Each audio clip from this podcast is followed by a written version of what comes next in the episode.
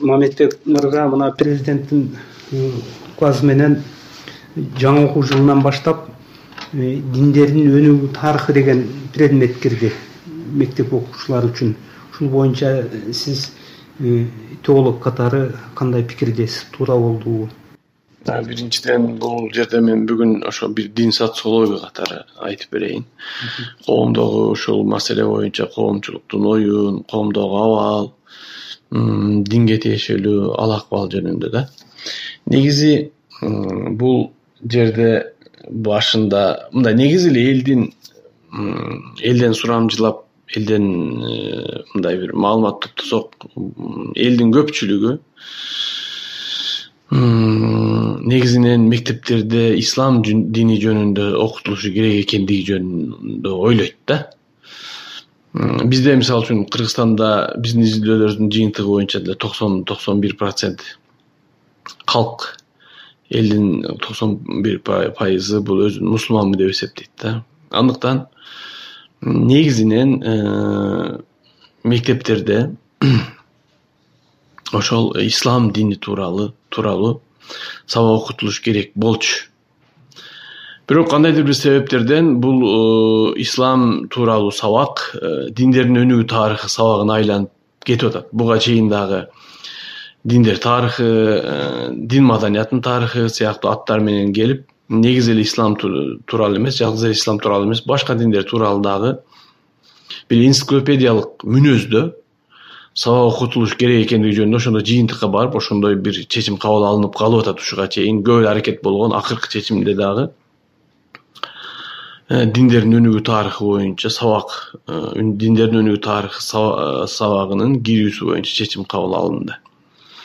Эми айта кетсем биринчиден бул сабактын кереги жокпу албетте керек. Себеби биздин жарандар э, канчалык э, кыргызстанда токсон пайыздан көбү мусулман болсо дагы башка диндер тууралуу билүүсүндө бир жаман нерсе жок да. Билүүсү бул пайда гана алып келет. Э, ашыкча дөөлөт баш чарбайт дегендей диндер тууралуу маалымат билүү көп маалымат билүү тескерисинче биздин коомдо жаштардын мындай жакшы кругозор деп коет эмеспи орусча кругозорунун кең болуусуна дин тууралуу жакшы билүүсүнө диндер тууралуу жакшы билүүсүнө шарт түзөт да. Бул жагынан эч кандай менин э, кандай десем менин кошумчам жок кыскасы бул аябагандай керек эле сабак. Бирок менин оюмча э, кыргызстанда бул сабак э, кыргызстанда буга чейин айтылып келген маселелерди чечүүгө толугу менен жардам бере албайт.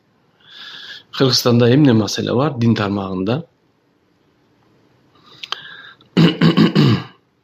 Бул эң негизги маселе баягы динди туура эмес түшүнүү да. Динди деген сөз көбүнчө эле исламды туура эмес түшүнүү. Кыргызстанда ошол токсон пайызды түзгөн эл кээ бир мезгилдерде динди туура эмес түшүнүп атат. Өзгөчө жаштар туура эмес түшүнүп алып атат. Ошондуктан ошол токсон пайыз эл тутунган ислам деген эмне бул кандай дин ислам менен кантип жашаш керек? Ислам деген ислам негизги принциптери эмне? Бир мусулман кантип мусулман болуш керек бир кыргызстандын жараны катары ошол эле мезгилде бир мусулман катары кантип жашаш керек деген нерсени үйрөтүш керек. Бул жагынан алып караганда элдин э, ислам тууралуу ислам жөнүндө сабак окутулуусу боюнча талабы мектептерде окутулуусу боюнча талабы э, эң туура талап.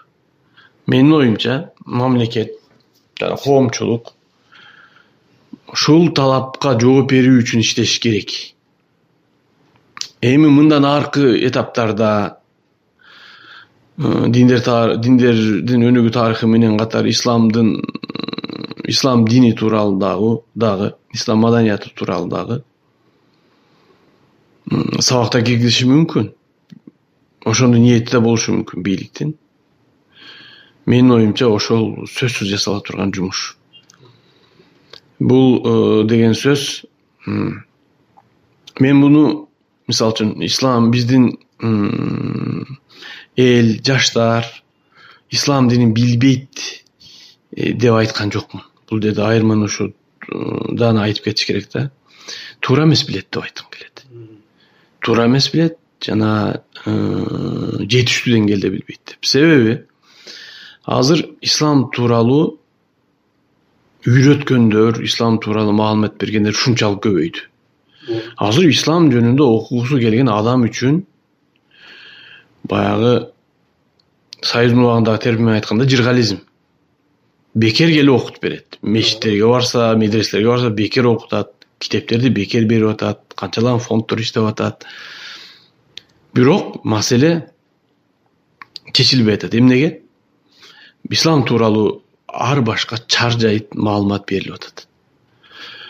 Бул кыргызстандагы диний абал менен тыгыз байланышта. Себеби кыргызстанда исламдын ар түрдүү чечмеленүүсүнө ээ болгон ар түрдүү жамааттар күндөн күнгө таасирин күчөтүп атат. Кыскасы жарандардын башы айланып атат. Э, диний көз караш боюнча исламий көз караш боюнча жарандардын ортосундагы келишпестиктер пикир келишпестиктери күндөн күнгө көбөйүп атат.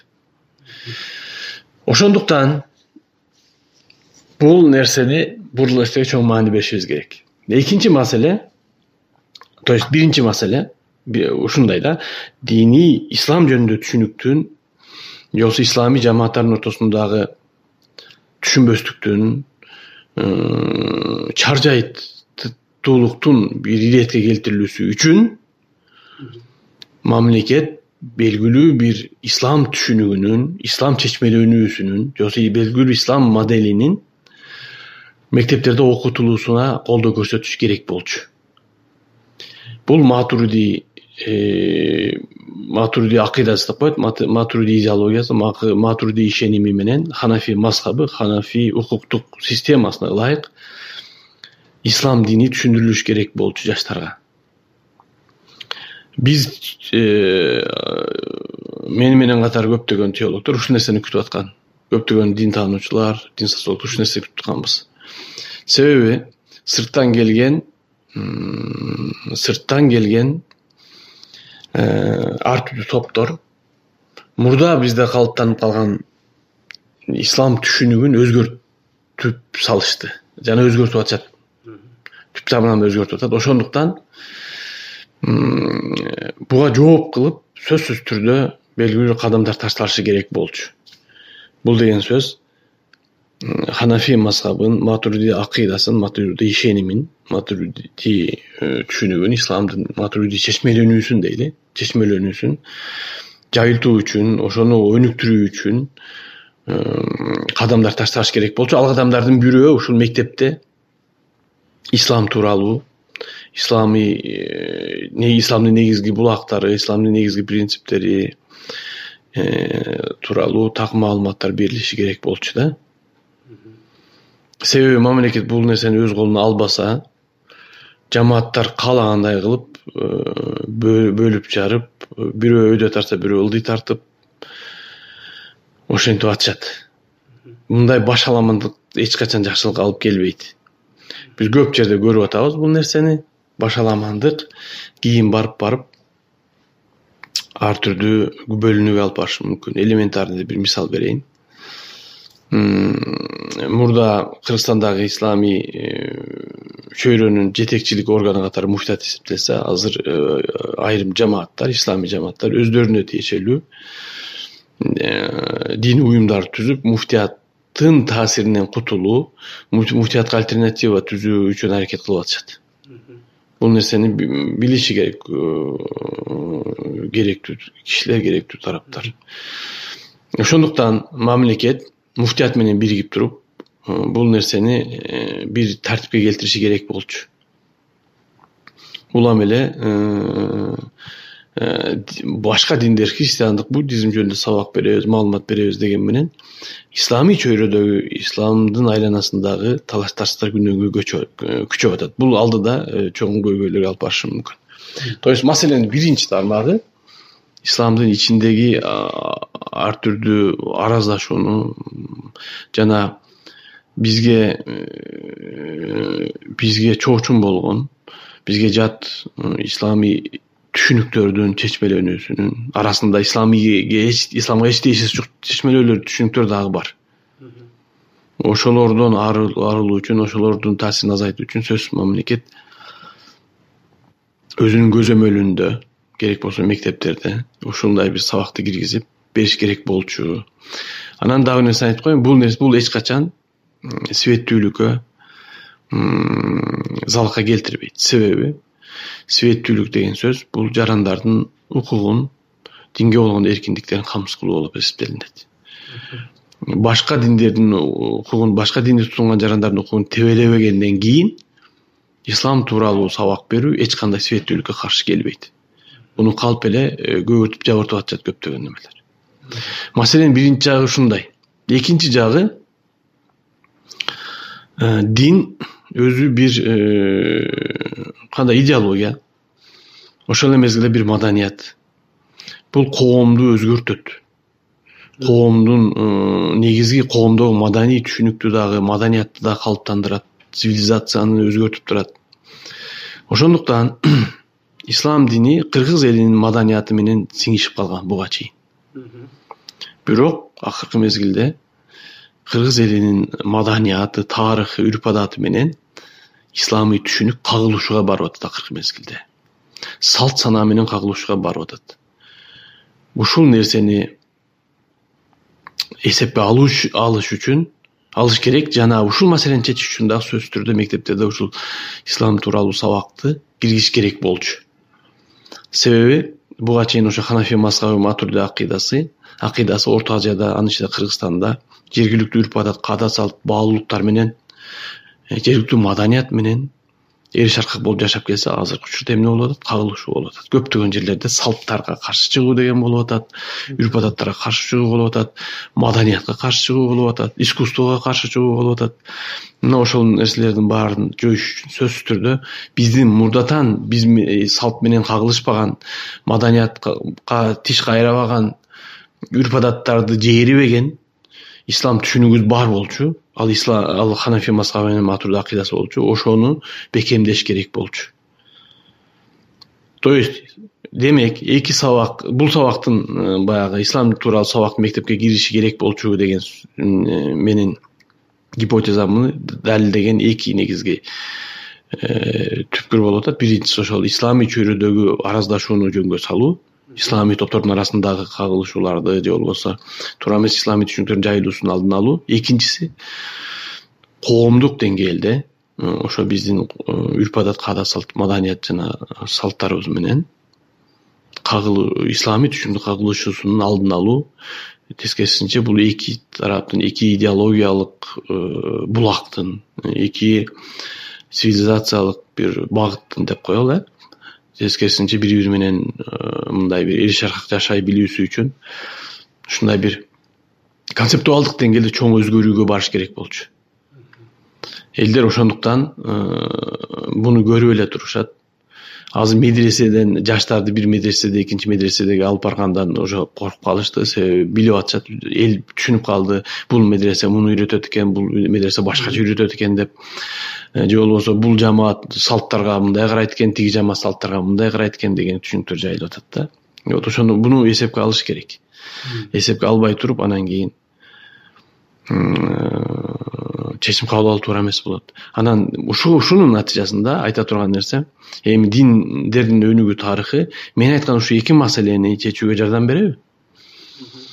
Менин күмөнүм бар толук кандуу жардам бере албайт. Энциклопедиялык деңгээлде диндер тууралуу маалымат бериши мүмкүн. Бирок мен бирок бул мен айткан жанагы маселени чече албайт. Ошондуктан баягы маселени маселеге түз караш керек дагы. Мындай э, чечкиндүү кадамдарга ташташ керек болбосо э, кыйын. Рахмат. Анан өзүңүз белгилеп өтпөдүңүзбү жана коомдун маданиятынын адеп аклак жагы да эске алынган да ушул эмеде анан азыр бизде глобализация доору деп атап атабыз анан ошол учурда балдардын ыймандуулук маселеси да курч болуп атат да. Анан ушул диндердин өнүгүү тарыхы сабагы балдарды кайсы бир деңгээлде ыймандуулукка ушул жагына тарбиялай алат деп ойлойсузбу ыйманды бул мындай нерсе бар да ыймандын булагы эмне деген сөз бар да. Ыймандын булагтарынын бирөө дин болуп эсептелинет конкреттүү бир дин диндер эмес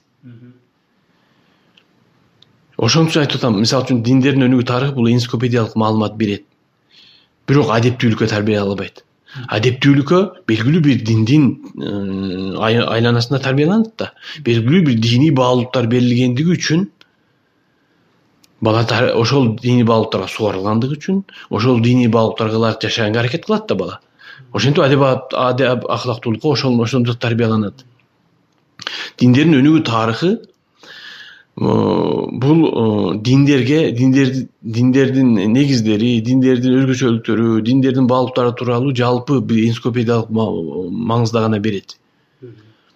Ал эми баалуулукту берүүнүн баалуулуктун педагогикасы деген бир өзү дисциплина бар.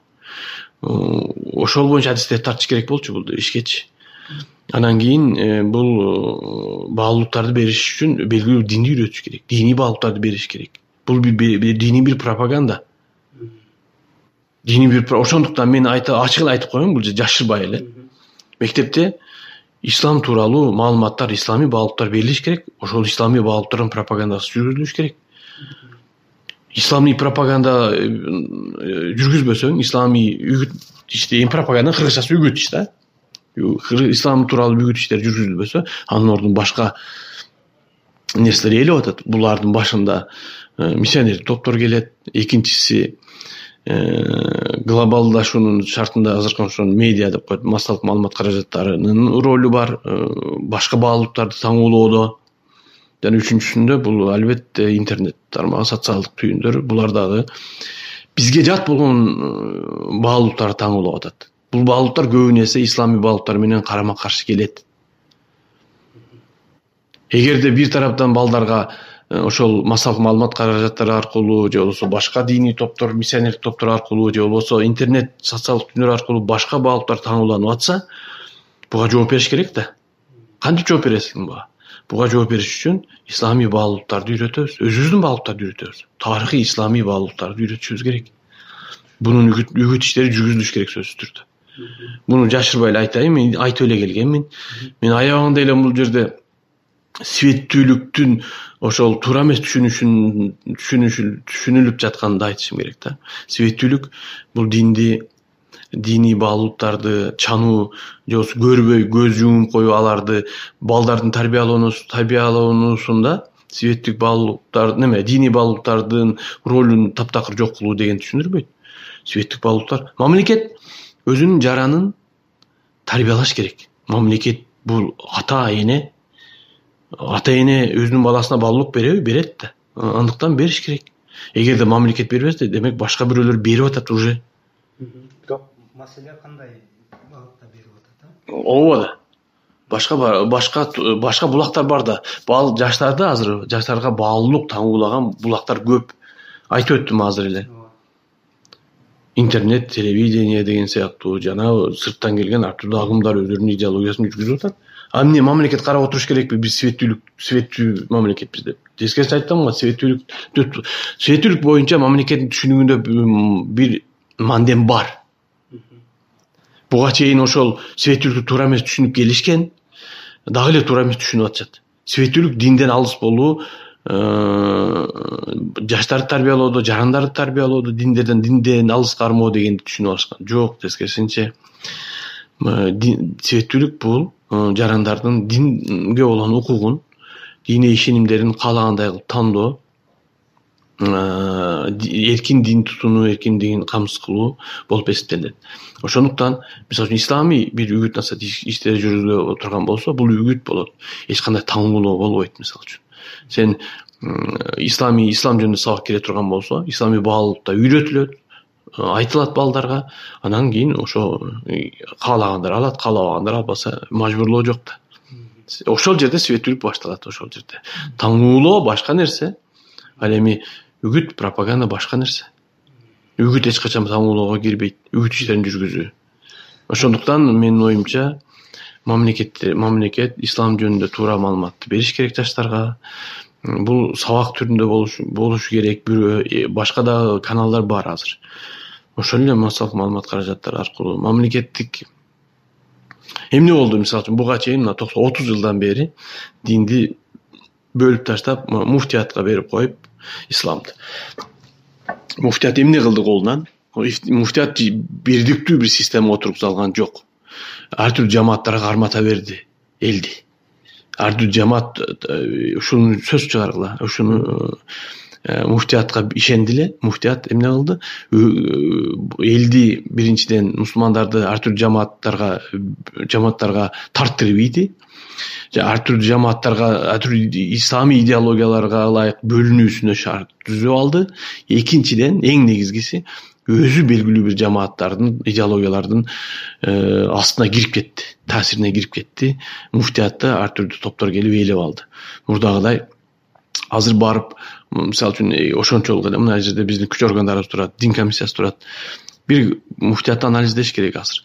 Ханафи мазхаб ханафи матуриди акыйдасы боюнча э, бул ушул сызык э, ошол багытта багытка канчалык бекем карманып турат муфтият. Бул карап чыгышсынчы. Мисалы үчүн э, бул нерсе бар? Силерге бир нерсени айтып коеюн ушул жерде. Эмне үчүн жаштарга ислам тууралуу туура маалымат бериш керек экендиги жөнүндө силерге мисал айтайын бул өткөн жылы эле болду. Буну да чыгаргыла. Өткөн жылы муфтияттын айланасында муфтийдин айланасында экс муфтийдин айланасында тополоң болгон билесиңерби бул тополоңду э, тополоң башталаардан мурда ушул ушул маселенин көтөрүлүшүнө бир нерсе себеп болгон да. Бул себеп элдер ойлогондой э, ажылыктын акчасы каяка кетти болгон эмес. Биринчи муфтияттагы нааразычылык пайда болуп ошондо скандал пайда болгондо билесиңерби эмнеден чыккан? Бул аалымдар кеңеши ошол мезгилдеги муфтийдин башка идеологиялык бир түшүнүктү жайып жаткандыгы жөнүндө айтып чыккан. Башкача айтканда ошол мезгилде экс муфтий максат ажы токтомушевдин ханафи мазхабына матурди акыйдасына дал келбеген исламий түшүнүктү өздөрүнүн маселелеринде баяндарында бааздарында айтып атат деген кине койгон. Ошонун аркасынан анан кийин э, э, ошого ажылык боюнча жана башка акча финансылык э, укук бузуулар чыккан да. Бирок башталышында ошол нерсени көп байкабай калды. Азыр деле азыр деле бул күрөш жүрүп атат муфтияттын ичинде жүрүп атат аалымдар кеңешинин ичинде жүрүп атат. Ошол э, идеологиялык араздашуу муфтияттын ичине чейин жетти дегенди айтайын деп атам мен кыскасы. Ушундай абалда бирдиктүү бир идеологиялык багытты тандап алыш керек. Жана ошол багыт боюнча билим берүү тармагы болобу башка тармактарда иш алып барыш керек. Айрым дин таануучу теологдор жана диндердин өнүгүү тарыхы деген аталышка дагы өздөрүнүн сын пикирин айтып атышат да мисалы эле ислам дини куран бул өзгөрбөйт. Ал өнүгүп анан өнүгүп отурбайт бир жазылган ошол жазылган боюнча калыптанып келатат ошол боюнча пикириңиз кандай? Жөн эле дин сабагы деп эле койсо жакшы болмок дегендей да ойлор айтылып атат да диндер жок бул жерде мындай нерсе бар да ислам тууралуу ислам кандай чыныгы дин болсо э, башка диндер деле ошол чыныгы дин сыяктуу эле түшүндүрүлөт да бул сабактачы. Ошон үчүн айтпаймынбы энциклопедиялык бир э, мүнөзүдө берилет бул сабак. Анан кийин мисалы үчүн бул жерде эгерде сабактын аты исламдын өнүгүү тарыхы дей турган болсо анда ошого чычагашса болмок исламды окутуп атасыңар исламды баалуптарды берип атасыңар исламдын э, андай өнүгүүсү болбойт ислам бирөө эле депчи. Бул бул жерде сабактын максаты таптакыр башка болуп атпайбы жалпы диндер тууралуу маалымат берүү болуп атат ошондуктан. Ооба маалымат эле берүү. Э, баардык эмес бул жерде ислам дини кандай болсо христиандыкка да ошондой эле орун берилет ошондой эле ошондой эле дин катары түшүндүрүлөт. Бул биринчи маселе бул маселе боюнчачы. Экинчисинде мындай нерсе бар да. Бул жерде э, мамлекет менин билишимче ислам дини менен катар башка диндерге эле негизинде дин маселесине бул бир э, бир маданий э, маданияттын бир бөлүгү катары карап атат. Ошондуктан өнүгүү деп атат да. То есть ислам маданияты деген нерсе бар да. Ислам маданияты исламдан айырмаланып ошо диндин айланасында пайда болгон убакыттын өтүшү менен байыган өнүккөн өскөн бир нерсе да. Ошондуктан ислам маданиятынын өнүгүүсү жөнүндө кеп кылсак болот. Исламдын өнүгүүсү эмес ислам маданиятынын өнүгүүсү тууралуу айтсак болот. Ошондуктан бул жерде ислам диндердин өнүгүү тарыхы дегенде бул жерде көбүнө диндердин маданиятынын дин маданиятынын өнүгүү тарыхы жөнүндө кеп болот. Ошондуктан бул сабактын аты туура эле туура эле то есть мадания маданият катары каралып атат дин бул сабакта. А менин айтайын дегеним жанагы менин менин көз карашым боюнча исламий баалуулуктар да берилиш керек как доктрина катары дин катары исламий баалуулуктар берилиш керек. Ошол эле мезгилде жанагы мен айткан ислам сабагында ислам маданият жөнүндө да сөзсүз берилиш керек. Ислам бир э, дин болгондой эле ошол эле мезгилде бир маданият дагы түптөдү. Бир цивилизацияны түптөдү. Ислам цивилизациясы деген нерсе бар ошол пайгамбар доорундагы ислам маданият ислам цивилизациясы менен азыркы цивилизациянын айырмасы бар ислам цивилизациясы? Чоң айырмасы бар да. Чоң жол басып өтүлдү. Чоң өзгөрүүлөргө дуушар болду. Диний доктриналар диндин негизги э, принциптери өзгөргөн жок албетте. Ислам өзгөргөн жок. Бирок ислам маданияты калыптанып өзгөрүп өнүгүп өсүп отурду да бул нерсе. Буну айырмалай билиш керек да. Рахмат ошо жогоруда өзүңүз белгилеп өткөндөй бул маселе мурдакы жогорку кеңештин чакырылыштарында депутаттардын мындай талкуусуна да коюлуп көпчүлүгү жактырганы менен маселе айланып келип мен билгенден каражат анан адистердин жетишсиздигине такалган да. Анан бүгүнкү күндө президенттин ошол указында белгиленген э, каражат бөлүнсүн деп ал жагы чечилсе керек. Анан ушу бизде бүгүнкү күндө анан жогорку билимдүү теологдор окутуш керек. Анан алар жетишпегенде тарых мугалимдери кошулсун дейт да. Анан ушу теологдор жетиштүүбү анан тарых мугалимдеринин ушул предметти окутушу канчалык деңгээлде туура болот. Э, бул мындай нерсе бар да. Эгерде динди диндин тарыхын окутам анан дин маданиятынын тарыхын окутам десеңиз анда буну тарыхчылар бере алат. Теологдор кандай берсе тарыхчылар деле бере алат. Э, буну э, тарыхый э, диндердин өнүгүү тарыхы жөнүндө маалыматы бар окуган ошо университетте окуп жүргөндө ошондой сабактарды алган диндер тарыхы дин маданияты деген сабактарды окуган теологдор да бере алат. Менин жеке пикиримде ислам жөнүндө сабак болбогондон кийин исламдын э, баалуулуктарын үйрөткөн жаштарга ислам маданиятын үйрөткөн негизинде адамдардын баягы жаштардын э, балдардын исламий түшүнүгүн калыптандыруу э, ислам адебин калыптандыруу маселеси боло турган болсо анда сөзсүз түрдө бул нерсени ошо ислам боюнча окуган теологдор дин таануучулар бериш керек да себеби бул маселеде касапчылар болуп ошолор эсептелинет анан эми сиз айткан биз билген теологдор ошо ислам багытындагы гана теологдор болуп атпайбы ооба. Жалпы башка да диндер ооба ооба ооба. анан ошолорго алар алар алар теология катары бир теологиялык доктрина катары окута алышат э, мисалы үчүн а тарыхчылар эмне үчүн тарыхчылар бере алат деп атам? Тарыхчылар бериши мүмкүн. Себеби теологдор эле бере алат да. Эгерде сен сабакты диндер тарыхы кылып берип атсаң анда бериши мүмкүн. Тарыхчылар дагы диндердин тарыхын окуйт да үйрөнөт да. Э, дин маданиятынын тарыхын окута алышы мүмкүн. Ошондой эле бул нерсени теологдор да бере алат. Бул жерде бир аз адилеттүү болуш керек да бир аз адилеттүү мамиле кылыш керек. Башкача айтканда эгерде чынын айтканда эле ошол сабакты бере турган азыр теологдор жетиштүү эмес саныч аз. Э, буну ошол тарыхчылар менен толуктаса болот албетте. Тарыхчылар динди жакшы билген диндер тарыхы боюнча адистешкен тарыхчылар бар да. Ошол э, кыргызстандагы диндердин тарыхы боюнча кызыккан изилдөө жүргүзгөн э, иштеген тарыхчылар бар. Ошолор да бере алат анан жалгыз эле теологдор э, берет деген кепке мен кошулбайм да. Теологдор менен неметип берсе болот. Бирок самый аягында баягы жыйынтыктоочу сөздөрдүн бирөө айтып коеюн мисалы үчүн. Эми билим берүү министрлиги бул сабакты киргизип атат өкмөт киргизип атат. Баягы казанчынын өз эрки кайдан кулак чыгарса дейт эмеспи. Сабактын аты диндердин өнүгүү тарыхы болушу мүмкүн бирок исламий баалыктар үйрөтөбүз деши да мүмкүн булар буга дагы э, айта турган эч нерсебиз жок. Бул дагы болушу мүмкүн жасаса болот. Анда ошондой сабак боло турган болсо анда сөзсүз түрдө теологдор сабак берет. Дин таануучулар сабак бериш керек. Эгерде ислам өзгөчө эгер ислам жөнүндө үйрөтөлү ушундай мен айткандай жанагы маселелерди чечишибиз керек биз ислам жөнүндө үйрөтүшүбүз керек десе анда сөзсүз ислам боюнча адистешкен теологдор бериш керек да бул сабакты. Ушул мына тогузунчу класстан баштап окутулат деп атат да.